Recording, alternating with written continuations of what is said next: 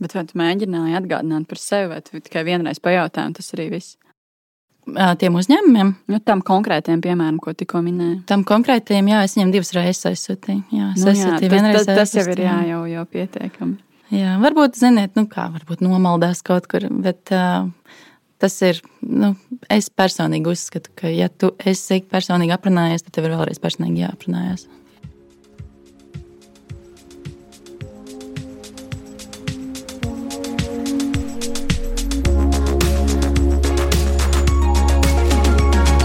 Čau! Es esmu Vineta Bērziņa, un tu klausies podkāstu, kas palīdz atrast darbu. Mans podkāsts ir cilvēcīgas un saprotamas sarunas par darba meklēšanu un atrašanu. Šodien uz sarunu esmu uzaicinājusi savu kolēģi, personāla vadības projektu vadītāju Noru Kalniņu. Nora septiņus gadus ir dzīvojusi un strādājusi ārpus Latvijas, tāpēc arī vēlos šodien aprunāties par šo viņas pieredzi. Sveika, Nora! Sveika, Vineta! Liels prieks! Paldies, ka esmu šeit! Varbūt gribu precizēt, cik uh, gadus tu nebija Latvijā, jeb cik gadus tu biji ārzemēs un kas tās bija par valstīm? Jā, nu kopumā tie bija tie septiņi gadi. Sanāk, ka es aizbraucu 13. gadā uz Angliju. Man bija iespēja tur eh, padzīvot, un pēc tam sanāca iespēja pabūt Parīzē nedaudz ar darbu. Un pēc Parīzes es īsu mirkli biju Latvijā, jo nu, darba dēļ visu laiku sanāca kaut kāda skraidīšana, un pēc tam sanāca aizdoties uz Vietnamu. Vietnamā tālāk uz zemi. Mhm. Jā, bija tāds posms, bija tāds brīdis sajūta, ka Eiropa ir forša, Eiropā viss ir baigi labi. Bet man bija kaut kāda tāda doma, ka nu, līdz tam 30 gadiem es noteikti gribu pabūt Jaunzēlandē. Un ir tā working holiday vīza un viss pārējais. Un tad likās, ka varētu aizdoties uz Jaunzēlandi, bet uh, pa ceļam kaut kur Āzijā padzīvoties. Mm -hmm. Un tā vienkārši viss sakrita dzīvē, ka man radās iespēja padzīvot Vietnamā. Tur es nodzīvoju trīs gadus. Un ar darbu, ko es atradu Vietnamā, man pēc tam paaugstināja amatā un aizsūtīja uz Jaunzēlandi. Vienkārši pat vīzi nebija jāmeklē. Cik forši, bet tavs mērķis sākotnēji bija tā Jaunzēlanda, tur nokļūt? Principā, jā, man gribējās, um, kaut kā likās, ka vajag to vajag izdarīt. Tas ir tāds tāls nostūris, kā tā arī saka, jā, īstenībā Jaunzēlanda ir tāds tālākais nostūris, kur cilvēki arī dzīvo, no kurienes no Latvijas mm -hmm. var aizmukt, kā daudz joko. Uh, bet uh, tas nebija tāds. Um, Man nebija sākotnējais mērķis tur tiešām arī dzīvot un strādāt. Tas mm -hmm. bija tā, padzīvot kādu brīdi, paskatīties, kā tur ir. Bet tā iegrozījās, ka tur arī bija darbs, un šķita, ka būs jau pavisam arī. Nu, parunāsim, jā, varbūt sākumā par to Jaunzēlandi. Kā varbūt vispār tu tur nokļūt? Tu teici, re, kur vīza ir nepieciešama, tad Vietnamā tu strādāji, un kā no Vietnamas tu nokļuvi uz Jaunzēlandi? Jā, Vietnamā bija tā, ka es vispār sāku savas darba gaitas kā stjorte. Sešus gadus principā, pavadīju lidojot, tā kopumā saskaitot, un arī tajā pašā Vietnamā es nonācu ar stjortes darbu. Un tad bija tāds brīdis, ka okay, ir jāmācās, kaut kas ir jādara, jo ar stūra darbu ļoti grūti apvienot mācības. Un tad es kaut kā to visu sakārtoju, ka es iestājos tālmācības mācībās, lai varētu arī paralēli ceļot un apvienot to dzīvesveidu, kādu es gribēju ar ceļošanu, arī dzīvošanu ārzemēs. Un tad sākās darba meklējumi Vietnamā. Un sanāca tā, ka kaut kur Facebookā kaut kas man atsūtīja, bija piedāvājums kļūt par asistenti migrācijas uzņēmuma priekšniekam. Mm -hmm. Un tas uzņēmums nodarbojās tieši ar vīzu veidošanu cilvēkiem, kur vēlas pārcelties uz Jaunzēlandi konkrēti. Un tad man likās, o, zvaigznes kaut kā sāk sastāties. Tur varētu kaut ko apsmadzeņot mazliet par šo nākotnē domājot. Un jā, laika gaitā, principā, pēc gada man piedāvāja pakāpties augstāk un vēl augstāk, un tā pamazām tie, tie, tie, tās atbildības auga un auga pamazām, kamēr um, tiku līdz galvenā oficiāla vadīšanai Jaunzēlandē. Wow, izklausās nopietni. Cik, cik tev ilgu laiku tas prasīja? Līdz tikšanai, līdz tam amatam pagāja divi gadi. Diezgan ātri. Bet kādas tad ir prasības Jaunzēlandē? Jo, godīgi, man nav ne jāsas, neesmu tur bijusi. Saprotu, jā, kas varbūt notiek Latvijas darba tirgu, nu, kad, protams, vērtē šo pieredzi, motivāciju, bet uz ko tur skatās? Tas ir ļoti atkarīgs. Tas mans lauciņš konkrēti, ņemot vērā, ka uzņēmums bija migrācijas. Un Jaunzēlandē ir tāda lieta, ka uh, ir tāds tā kā catch-22, angļuiski sakot, latviešu apburtais lokus, kur tu darbu vari dabūt tad, ja tev ir vīza, bet vīzu tu vari dabūt tad, ja tev ir darba. ļoti interesanti. Jā. Tieši tā, un tad uh, man arī bija tas ieskats tieši darbojoties ar mūsu klientiem, kuri pārceļās uz Jaunzēlandu, un viņiem ir nepieciešama šī vīza, un viņiem ir nepieciešams darbs. Un tad mūsu aģentūra to arī darīja, ka mēs meklējām darba piedāvājumus, un tad tiem cilvēkiem, kuri ir attiecīgajās kompānijās, teicām, ok, mēs viņiem visu darām, mēs taisām vīzu, nointervējiet šos cilvēkus, un tad, ja vīza ir, tad viņi būs jūsu darbinieki. Tā kā tur bija tāda sadarbība vairāk. Par prasībām runājot, ir tā, ka Jaunzēlandē tā kā tā ir angliski runājoša valsts, un kā jau daudzās ir diezgan daudz iebraucēju. Un viņiem ir vairākas tādas profesijas, kurām trūks darbinieku. Veseli saraksti ir tādi long-term shortage list un short-term shortage list. Kā latviešu sakot, tādi, kur ilgtermiņā pietrūks šīs profesijas, un tādi, kur īstermiņā šobrīd viņus ļoti vajag. Un tās ir tās prioritārās profesijas. Un tad mūsu klienti, kur ir piemēram augsta līmeņa vadītāji, vai arī uh, augsta līmeņa grāmatveži, vai arī zemāka līmeņa, kas ir piemēram aitu cirpēji, vai Jā. cilvēki kaut kādos lauka nostūros, kur īsti vietējie cilvēki nestrādā. Un viņi šos cilvēkus ievada kā darba spēku, un tos tiešām ļoti vajag. Un tad ir tā, ka baigi viņi neskatās. Viņiem ir svarīgi, ka šis cilvēks, viņam ir pieredze, ka viņam ir darbs, ka viņš to ir darījis bet eh, tīri, lai viņš eh, nokļūtu tajā Jaunzēlandē, tas ir tas vīzas jautājums, kur ir attiecīgi. Mm -hmm.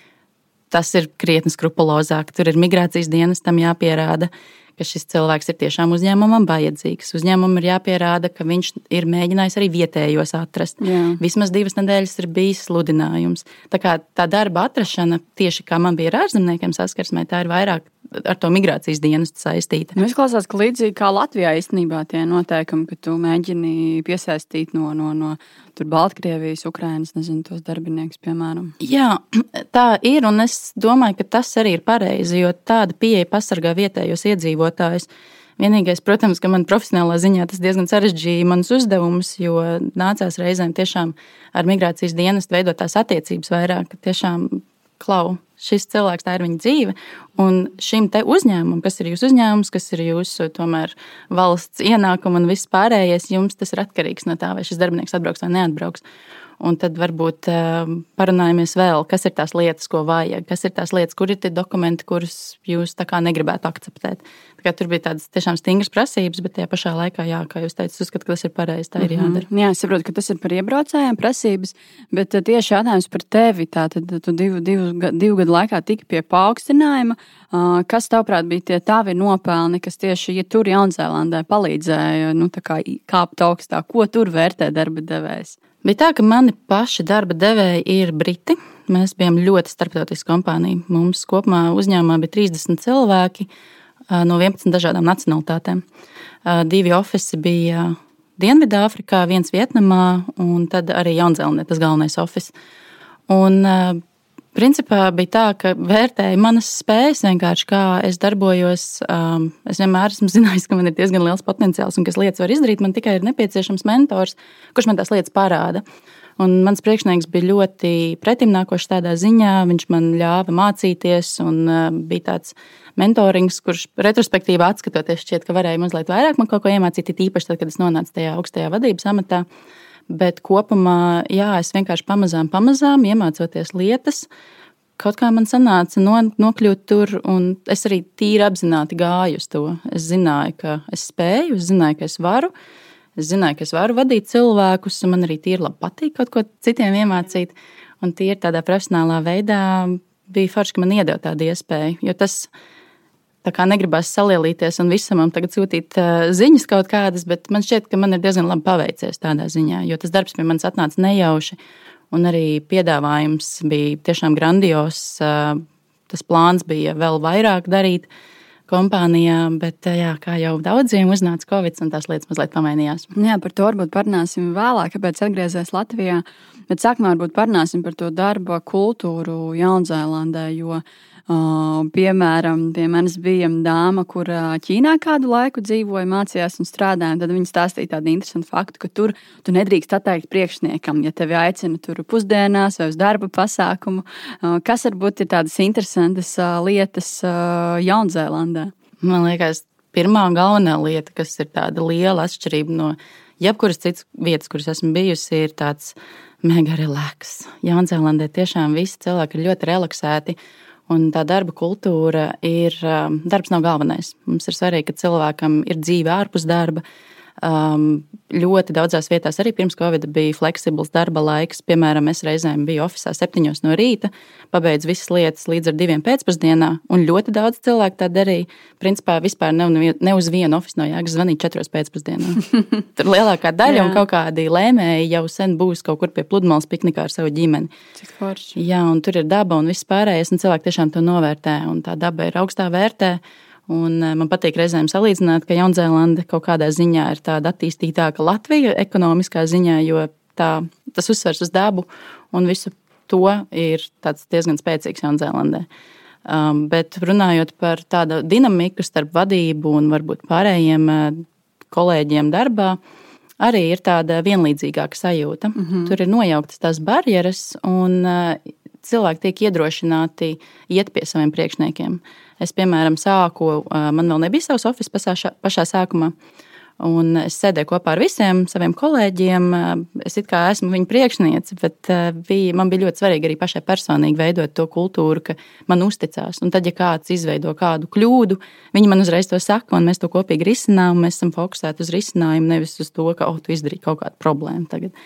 Un arī pēc tam, tad, kad man bija beidzot iekārtojās tas savs stūrītis, tie oficiāli ar durvīm, Viņas es cietu turēt tikai tad, ja man bija zvani kaut kādi svarīgi. Man bija tiešām svarīgi, ka cilvēki mani dzird, ka viņi mani jūt, ka mēs tur esam. Un tāda ir arī tā kopējā kultūra, ka tie priekšnieki ir savējie. Tāda atvērto durvju tā politika, bet kādas Jā. vēl varbūt īpatnības tu saskatīji tur? Īpatnības varbūt tā nebūtu īpatnība, bet tāda forša lieta, kas man jau no pirmās dienas, ko es pamanīju, Eh, nav svarīgi, kas tu esi, nav svarīgi, no kurienes tu nāc, nav nekādi stereotipi. Tu esi cilvēks ar savu stāstu. Tu vari būt um, apkopējs, tu vari būt lielākais uzņēmuma vadītājs, bet jūs kopā sēdēsiet eh, piknikā un runāsiet par dzīvi un vienkārši par stāstu kaut kādu. Tas bija, tā bija tāda lieta, ko es tiešām izjūtu. Varbūt kontrastā ar Vietnamu, jo Vietnamā tur bija ļoti svarīgi. Nu, man bija tomēr vairāk internacionāla tā darba vide, bet kopumā Vietnamā ir tā izjūta, tā cieņa pret vecākiem, cieņa pret profesionālākiem, cieņa pret augstāk stāvošiem, un tu nedrīksti. Un mums bija tāds gadījums, ka mums bija viena vietnamiešu kolēģe, kur atteicās prasīt viņas priekšniekam kaut kādu uzdevumu. Tas bija principā viņas pienākuma aprakstā, ka viņai ir jāiet pie sava priekšnieka, kuru es aizvietoju vēlāk. Uh -huh ka viņai ir jāiet un viņam ir jāsaka, tev ir jāsagādā tās un tās atskaites līdz tam un tam laikam. Viņa teica, es nevaru, es nevaru pie viņa iet, jo viņš ir mans priekšnieks. Viņai bail bija vai kas? Viņai tā ir ieaudzinātā cieņa pret eh, cilvēku, kas ir augstāk stāvošs. Viņa vienkārši atteicās to darīt. Un tad bija jāmeklē citas metodas. Eh, labi, mēs uzrakstīsim kā kaut kādas vadlīnijas, pēc kurām tu vari kā, vadīties, jā, un tur izsūtīt e-pastu varbūt visiem. Jā, tur vienkārši tas tavs uh, priekšnieks ir tajā CC ielikts, bet uh, viņai bija ļoti grūti tikt tam pāri. Tad varbūt tādā ziņā man bija ar to kontrasts, bet kopumā jā, tāda vienlīdzības sajūta liela bija Jaunzēlandē. Tu klausies podkāstu pirms darba. Ja vēlaties pastāstīt savu personīgo pieredzi vai reklamēt kādu pakalpojumu, aicinu tevi ciemos. Kontaktinformācija epizodes aprakstos. Un kā ar darba meklēšanu, kā varbūt darba meklēšana atšķiras Latvijā un Jaunzēlandā? Man personīgi ar to nebija tāda liela saskarsme, jo tā kā es uz turieni devos jau ar darba piedāvājumu, arī mēs paši esam migrācijas bijām, kurā es darbojos. Migrācijas uzņēmums arī mani kolēģi man palīdzēja to man vīzu sakārtot, un tas viss noritēja ļoti raiti un bez kaut kādiem liekiem pārdzīvojumiem. Bet kopumā ir tā, ka ir daudz darba piedāvājumu, bet nav darbinieku. Un tāpēc bija tādas organizācijas kā manējā, kur palīdz ievest viņus. Jo tur tiešām ir tā kaut kāda, es pieļauju, pārprodukcija ar kaut kādām noteiktām profesijām, kas ir daudzās valstīs, ir tāda lieta, bet uh, viņiem tiešām vislielākais uzsvers ir uz to long term, short term skill shortage. Un tad, ja to cilvēku nav, tad ir tā, ka darba, darba devēji ņem gandrīz kuru katru un paļaujas uz tiem, kuriem ir lielāka senioritāte, ka viņi viņus apmācīs. Vai cik interesanti. Man radās jautājums par LinkedIn, vai, vai tur lieto aktīvi LinkedIn Jaunzēlandē, vai ne? Jā, un arī mūsu uzņēmumam bija liels uzsvers, jo uzņēmumam bija vairākas struktūra vienības. Viens bija migrācijas, viens bija uh, rekrutmenta, kā um, darba meklējumu uh, uzņēmums, kas palīdzēja arī tiem mūsu klientiem, uh, konsultēja, kā labāk atrast darbu, kā pieiet, kā to darīt. Kā salabot CV, kā uzrakstīt motivācijas vēstuli, tādi mazi visādi knifi, kas Jaunzēlandē būtu svarīgi.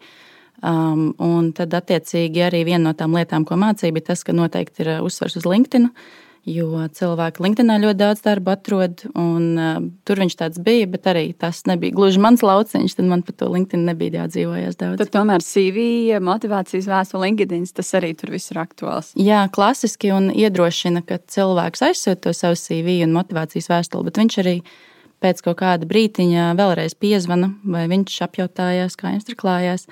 Jo tur kaut kā viņiem it kā viss ir relaksēti, bet viņi grib, ka tu gribi to darbu ka tu mazliet viņus parausti un ka tu izrādi to savu interesi atkārtot arī. Un kāda domā, kas ir tā top viens, ko tad Jaunzēlandē novērtē darbiniekos? Nu, Latvijā tā ir pieredze, kas, kas būtu Jaunzēlandē. Nu, arī pieredze. Arī pieredze. Jā, pieredze. Taču salīdzinot ar to, kā ir Latvijā, kur tiešām mēs ļoti skrupulozi ejam caur tiem CV un prasām, kāpēc tu vienā darbā biji tur divus gadus, vienā divus mēnešus, tur gluži tā nebija. Jaunzēlandē vairāk skatās uz to kopējo kontekstu. Teiksim, manā gadījumā tas, ka man bija stūrains pieredze, to skatījās, o, tā tad es ar klientiem varēšu labi sastrādāties. Tā tad man ir valodas. Tātad tas nozīmē, ka man ir kaut kāda disciplīna, kaut kādas tam līdzīgas lietas. Tā kā tas kopējais konteksts uz to ir lielāks uzsvers nekā, ka tu vienai kompānijai esi bijis lojāls desmit gadus, piemēram. Tas, tas tik gluži vairs nav svarīgi. Ir tas, ka tu vari droši lēkāt, tu esi pat iedrošināts varbūt pamainīt tās darba vietas, jo tur ir arī tā working holiday vīza, kura iedrošina, un pat tas ir noteikums, ka cilvēki tikai trīs mēnešus vienā darba vietā drīkst atrasties. Tas ir tiešām vīzes nosacījums. Un tad viņi rēķinās ar to, ka cilvēkiem būs tīri raips tas CV. Bet kamēr viss ir tādā vienā lauciņā un industrijā, tad tas ir tāds um, noteicošais. Jā. Tas, ko tu man stāsti, izklausās īsti paradīze, tikai labas lietas, bet paklāvē ir kaut kādas arī, kaut kāda mīnus arī dzīvojot Jaunzēlandē saistībā ar darbu, karjeru, darba meklēšanu, darbu. Pirmā vienīgā lieta, kas ir gan pluss, gan mīnus, ir tā relaksētā vide. Tas, ka viss ir ļoti relaksēti, man bija uh, automātiskā atbilde e-pastam, ka es atbildēšu 48 stundu laikā. Tas nozīmē, ka man ir pietiekami daudz laika visu apdomāt. Man bija arī, protams, ļoti regulēta, regulēta industrija, kur manas atbildes ir jāsaskaņo ar profesionāļiem, jo tie ir juridiskie pakalpojumi, viņi tā klasificējās. Un es nedrīkstu vienkārši tāpat kaut ko atbildēt. Es, protams, ja es to zinu, es varu, bet man vienmēr bija jāparaksta, ka esmu pakonsultējusies ar šo migrācijas profesionālu, kuram ir atkal licence un visas šīs pārējās lietas. Tas bija varbūt industrijas specifika, bet tas bija visur. Tas bija arī jebkurā citā industrijā, ka tu atbildi saņemsi ātrākais pēc divām dienām. Pēc vienas tas jau ir wow. Wow, tiešām cilvēki grib parunāties ar mani. Un, attiecīgi, visi procesi notiek diezgan lēni. Un tas ir tas, par ko jaunzēlandieši paši vienmēr sūdzās, ka te viss ir šausmīgi lēni. Man tas likās, tīri ok. Es tā mierīgi varu pieiet saviem projektiem, man ir tīri daudz laika, man droši vien iedos kaut kādu vēl pagarinājumu tam laikam. Nebūs jāuztraucās, bet tas var arī tiešām mazliet pakavēt to, ja tev ir kaut kāds laika posms atvēlēts vienai lietai, bet tad viņš ievilksies. Tāpēc, ka tu zini, ka tev atbildēs viens pēc divām dienām, viņam vēl jāuzprasa savam kaut kādam vadītājam, tas atbildēs pēc divām dienām. Tā tādā ziņā tas ir tas lielākais mīnus, ko es novēroju. Mm -hmm. Un savukārt, kas varbūt bija tāds lielākais kultūras šoks tev Vietnamā? Hmm. Zini, man nebija kultūras šoks Vietnamā. Tad, kad es tur tikko ierados, um, es nezināju, ko sagaidīt, jo man par Āziju iepriekš nekad nebija bijusi tāda baigā lielā interese. Man par Japānu bija interese kā viena no Āzijas valstīm, bet tīri par eh, to Dienvidu-Austrumāzijas galu man īsti nebija kaut kāda baigā priekšstata. Man viss vienkārši likās citādāks, bet ļoti interesants. Un jau no kaut kādām pirmajām nedēļām likās, ka oh, visi tie augļi, viss kā cilvēki dzīvo, kaut kā arī savā ziņā viņi ir tādi relaksētāki, tie cilvēki, bet viņiem ir tie kaut kādi kultūras nosacījumi ļoti spēcīgi. Kā jau minēju, piemēram, pats vecums, status, tas viņiem ir ļoti svarīgi. Arī sieviešu stāvoklis sabiedrībā ir mazliet citādāks, kur vīrieši man tā arī teica, es esmu progresīvs, es savai sievai ļauju strādāt. um, bet uh, citādāk man šķiet, ka nē, jā, tas, ka, ja runājam par darbu, vietējie cilvēki ir diezgan uh, lēni. Viņi strādā garas darba stundas, viņi darbā ierodās septiņos no rīta. Viņiem ir divu, trīs stundu gara pusdienu pauze, kuras laikā viņi uh, izrullē savus matracīšus, guļ oficiālā uz grīdas. Wow. Viņiem ir ļoti svarīgs diendasiņas, viņi visu laiku ir neizgulējušies.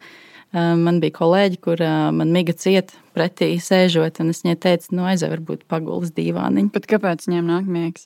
Tāpēc, ka viņiem ir, viņi visi dzīvo kopā ar visām savām ģimenēm, viņiem ir visi tie ģimenes pienākumi, darbiņi, viņi nostrādā savas stundas, atstrādā oficiālā, un pēc tam viņi iet mājās, un viņiem ir tur vēl viss jādara.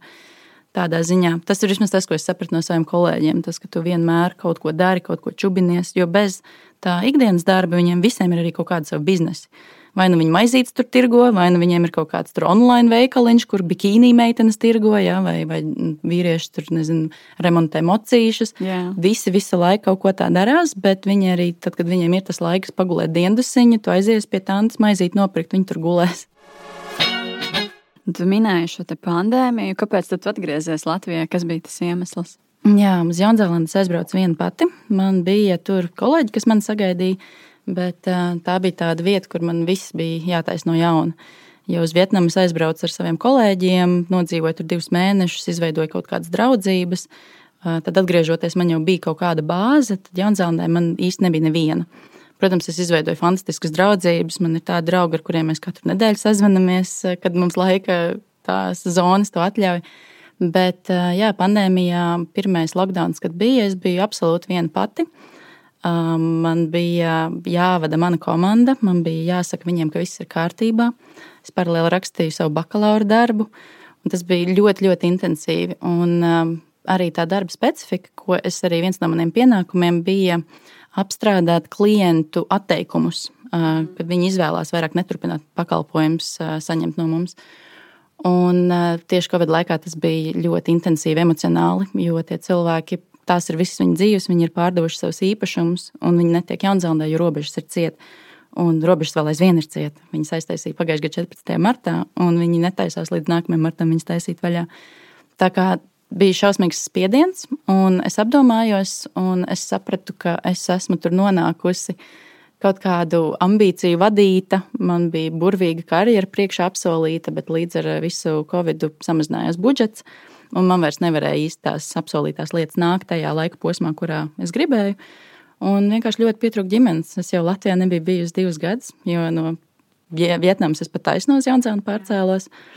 Un tā apziņa, ka nav lidojumu, ka es esmu iesprostota, bija ģimenes pieaugums manai māsai arī, un gribējās tiešām veidot arī attiecības ar tiešām jauno paudzi. Un, jā, apdomājos un sapratu, ka labi, šis darbs bija foršs, tā bija laba pieredze. Jaunzēlnē man patīk, šīs ir manas mājas kaut kādā veidā. Bet tomēr ir jāatgriežas tur, kur man ir mans sociālais lokus un tā drošība, tāda emocionālā vairāk. Jā, un savukārt atgriežoties Latvijā, kas bija tie izaicinājumi, ar kuriem tu saskāries, sākot meklēt darbu? Jā, sākumā es paņēmu tādu foršu pauzi, jo pēc tā intensīvā darba posma jūtu, ka vajag attiekt mazliet. Un, um, es tam piegāju arī tā īri relaksēti, tā neskrēja pa galvu, pa kaklu. Uh, Mans lielākais izaicinājums bija tas, ka es biju vai nu pārkvalificēta, vai arī man bija pārāk maza kvalifikācija. Jā, bet uz ko tu pieteicies, uz ko tu skaties? Jā, nu, tā kā man bija reģionālā vadītāja globālam uzņēmumam, tad es sākumā gāju uz vadītājiem. Un tur man visur bija tas, ka īsti tā pieredze ir pamazs, varbūt, jo Jaunzēlandē es tajā amatā pabiju pusotru gadu. Nu, es diezgan daudz kam izgāju cauri, bet, nu, tīri skatoties Latvijā, tomēr vēlās tādiem augsta ranga vadītājiem vismaz 3-4 gadus. Standartā ir 3 līdz 5 gadi īstenībā. Un tad es saskāros ar to, ka, nu, tev vēl mazliet jāpaugās šajā sfērā. Bet kādās nozarēs tu pieteicies? Kas, kas bija sapratu, jā, vadītājs, bet kas bija tās nozares? Es daudz kam pieteicos. Īsnībā man bija galvenais tas, es kaut kā biju galvā ieņēmusi, ka nu, es esmu vadītājs, es to varu. Es eh, ļoti labi spēju atrast kopīgu valodu un cilvēkiem izskaidrot, kas viņiem ir jādara un vadīt viņus ar tādu cilvēcīgu kaut kādu pieeju, ka man uzticēs arī. Tad uh, es izskatīju visu, ko es pieteicos. Uh, bija kino teātris vadītāji, meklēju Um, tad bija jā, dažādiem uzņēmumiem, kaut kāda dažāda struktūra vienība vadītāji bija. Un viss tas, kas mani uzrunāja, tad uh, es arī tam visam pieteicos. Um, bija Baltijas uh, reģionālā direktora vieta vienā uzņēmumā, kur man bija arī intervijas. Bet sākumā es tam piegāju tādu, ka es pieteikšos un es paskatīšos, kāda būs piedāvājuma. Jo man ir tāda pārliecība, ka meklējot darbu, ir jāatcerās, ka tās ir precīzas un tas ir apusēji. Un tur ir jābūt tādai apusēji kaut kādai ķīmijai un vēlmei. Un tad, ja man intervijā šķitīs, ka varbūt kaut kas tomēr nav, ka tur atklājās, ka no tiem darba pienākumiem ir kaut kas, kas vai nav manā kapacitātē vai interešu lokā, tad varbūt arī nē. Un tāpēc tas bija tāds mikslis vairāk. Bet vai Latvijā nav tā, ka šos vadītājus meklē tomēr ar pieredzi konkrētā nozarē, kur tu piesakies? Principā, jā, kas droši vien arī bija kaut kas, kas man iecirta mazliet manā tajā veiksmes gājumā, sākumā. Bet um, man ir tāda pārliecība, ka, ja tu esi vadītājs kaut kādā kapacitātē, um, tad tu vari daudz ko. Jo mans CV bija tīra raips, tas, ko es darīju savos pienākumos. Jaunzēlandē es biju ģenerāldirektora labā roka. Es visu darīju. Mēs bijām vienīgie, kas viens otru var aizstāt, tad, kad kāds ir vai nu saslims, vai arī atvaļinājumā. Līdz ar to manā pārziņā bija viss mārketings, visa grāmatvedība. Es vadīju pārdošanas cilvēkiem treniņus pāraudzīju arī visus vienkārši ikdienas procesus, kas darbojas. Es pat biju savā veidā IT cilvēks, kuram cilvēki prasīja padomu, un tad man nācās googlēt, un meklēt un labot kaut ko. Tā kā man bija tāds ļoti plašs profils tajā CV, un attiecīgi man šķita, ka nu, tad es varu skatīties un pielāgot, kas ir kurā kaut kādā vietā vairāk teiksim, kinoteātris, mārketings vairāk. Tad es uz to varu uzspiest. Nu, tā kā tas pielāgoja tās savas motivācijas vēstules tam vairāk. Bet kā tad beigās nokļūt tajā personāla vadībā? Nu, atkal man paveicās. Pie manis nonāca piedāvājums pieteikties jā, par personāla vadības uzņēmumā, par projektu vadītāju. Zinot, jā, darbs ar cilvēkiem, tāds jaudīgs darbs, viss kaut kas ir jādara. Un, jā, es paskatījos, padomāju, domāju, labi, nu, paskatīsimies, kas tur būs. Un es aizsūtīju, un eh, jā, man piezvanīja man tagadējā priekšniece. Es teiktu, ka mums izveidojās tāda tā kā ķīmija. Man ļoti patika, kāda viņa ir. Viņa man palūdza, lai es izpētu mājaslapu un padomāju, vai man patīk. Tas bija tāds piedāvājums man drīzāk, nevis tāds, ka es skrienu pakaļ. Un kas bija tāda jau no pirmā brīža, tā, o, šis ir foršs, šis ir kaut kas, kas man patīk. Un tad papētot mājaslapu, arī uzņēmums, kuram vērtībās ir visas manas galvenās vērtības. Jā, es arī pierakstīju partnerību, izaugsmu, iedvesmu, kur ir uzsvers uz cilvēcību, attiecībām, uz tādu draudzīgumu, kur mēs principā analizējam un strādājam ar tiem uzņēmumiem ne tikai ar atlasēm, bet mēs skatāmies un veidojam tos viņu procesus, lai viņi izaugtu kopā ar mums, un viņi ir tādi efektīvāki un labāki. Un tā pieeja man ļoti patika. Tas, ka es varu ietekmēt kaut ko kaut kur, kaut kādā vienā struktūra vienībā. Ar iedvesmu, un prieku un kaut kādu atvērtību. Tas man ļoti uzrunāja. Un un cik, tu, cik tu esi jau šobrīd tajā uzņēmumā? Cik ilgi? Tagad ir ceturtais mēnesis. Jā, tā tad nesen. Mm -hmm, tad nesen, nesen. Ok, forši. Pēdējais jautājums. Tā kā tu pati esi bijusi gan vadītāja kurpēs, gan darba meklētāja kurpēs, kā varbūt tu šobrīd pati atlasi darbiniekus, ko varbūt tu ņem vērā, ko neņem vērā? Jā, man tā pieeja atlasēs intervijās ir tas, ka es ļoti vēlos, lai cilvēki jūtās ar mani komfortabli. Man ir ļoti svarīgi salauzt to ledu, varbūt kaut kādu, un atvērt cilvēkus, jo Mēs visi zinām, kāds ir tas interviju process, tu esi satraucies, un tu viņā ej. Es ļoti paturēju prātā to sajūtu, kāda ir, un attiecīgi es uzsāku to sarunu ar to, ka šī ir saruna. Tavs CV ir izpētīts, es saprotu. Mēs parunāsim, protams, par kaut kādām kompetencēm un tām lietām, kas ir nepieciešamas šim amatam, uz kuru tu kandidē. Bet es gribu zināt, kas tas ir par cilvēku. Un tad tās, tas, jā, tas process, kādu es veidoju, es viņu veidoju kā sarunu. Es vēlos tiešām aprunāties, lai tam kandidātam šķiet, ka viņam pretī ir dzīves cilvēks, nevis kaut kāds robots, kurš uh, skatās uz viņu no augšas. Un man varbūt tā ir tāda privilēģija, ka es esmu tas tilts starp darba devēju un to kandidātu, un tad uh, es varu arī attiecīgi spēlēt mazliet to lomu vairāk. Bet jā, man ir svarīgi, ka viņi jūtās ar mani komfortabli, ka viņi man uzticās.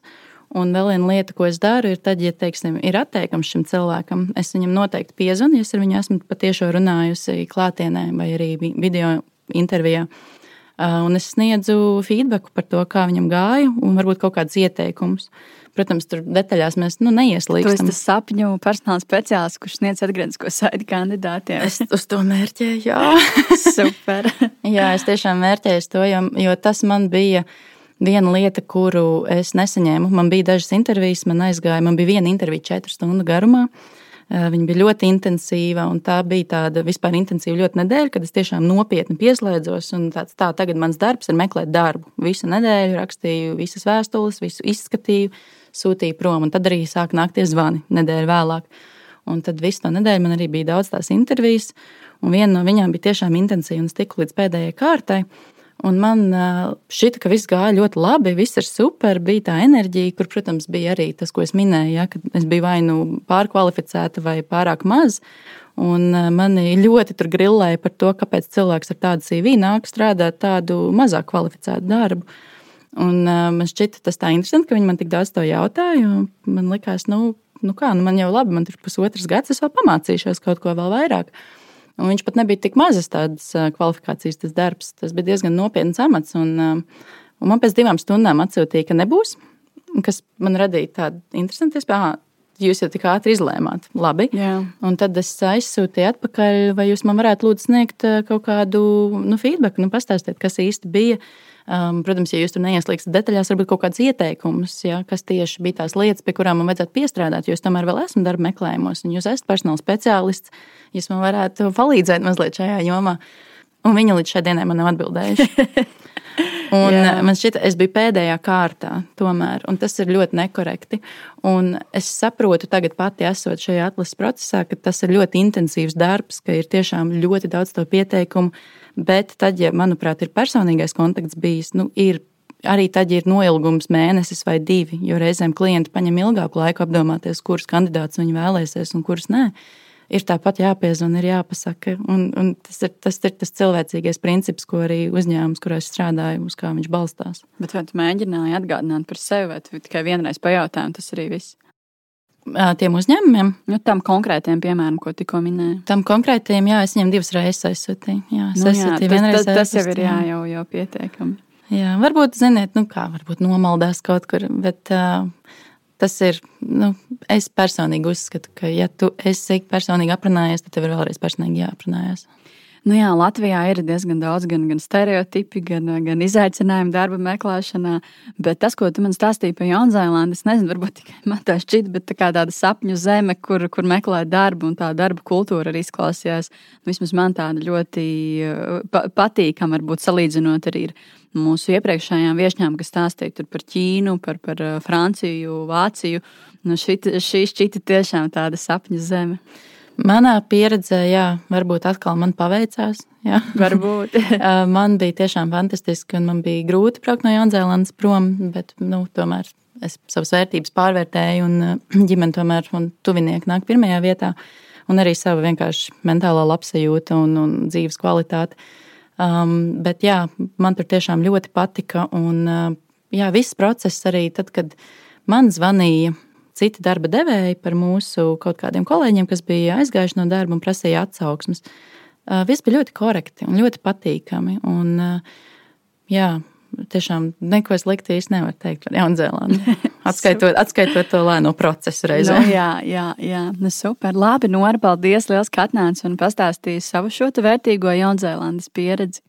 Paldies tev, paldies, ka, jā, ka es šeit nonācu un, un novēlu veiksmi arī tavā darbā. Lielas paldies! Atā! Atā. Tu noklausījies podkāstu, kas palīdz atrast darbu. Lai dzirdētu visas intervijas, seko pirms darba visās podkāstu aplikācijās, arī Facebook, Instagram un YouTube.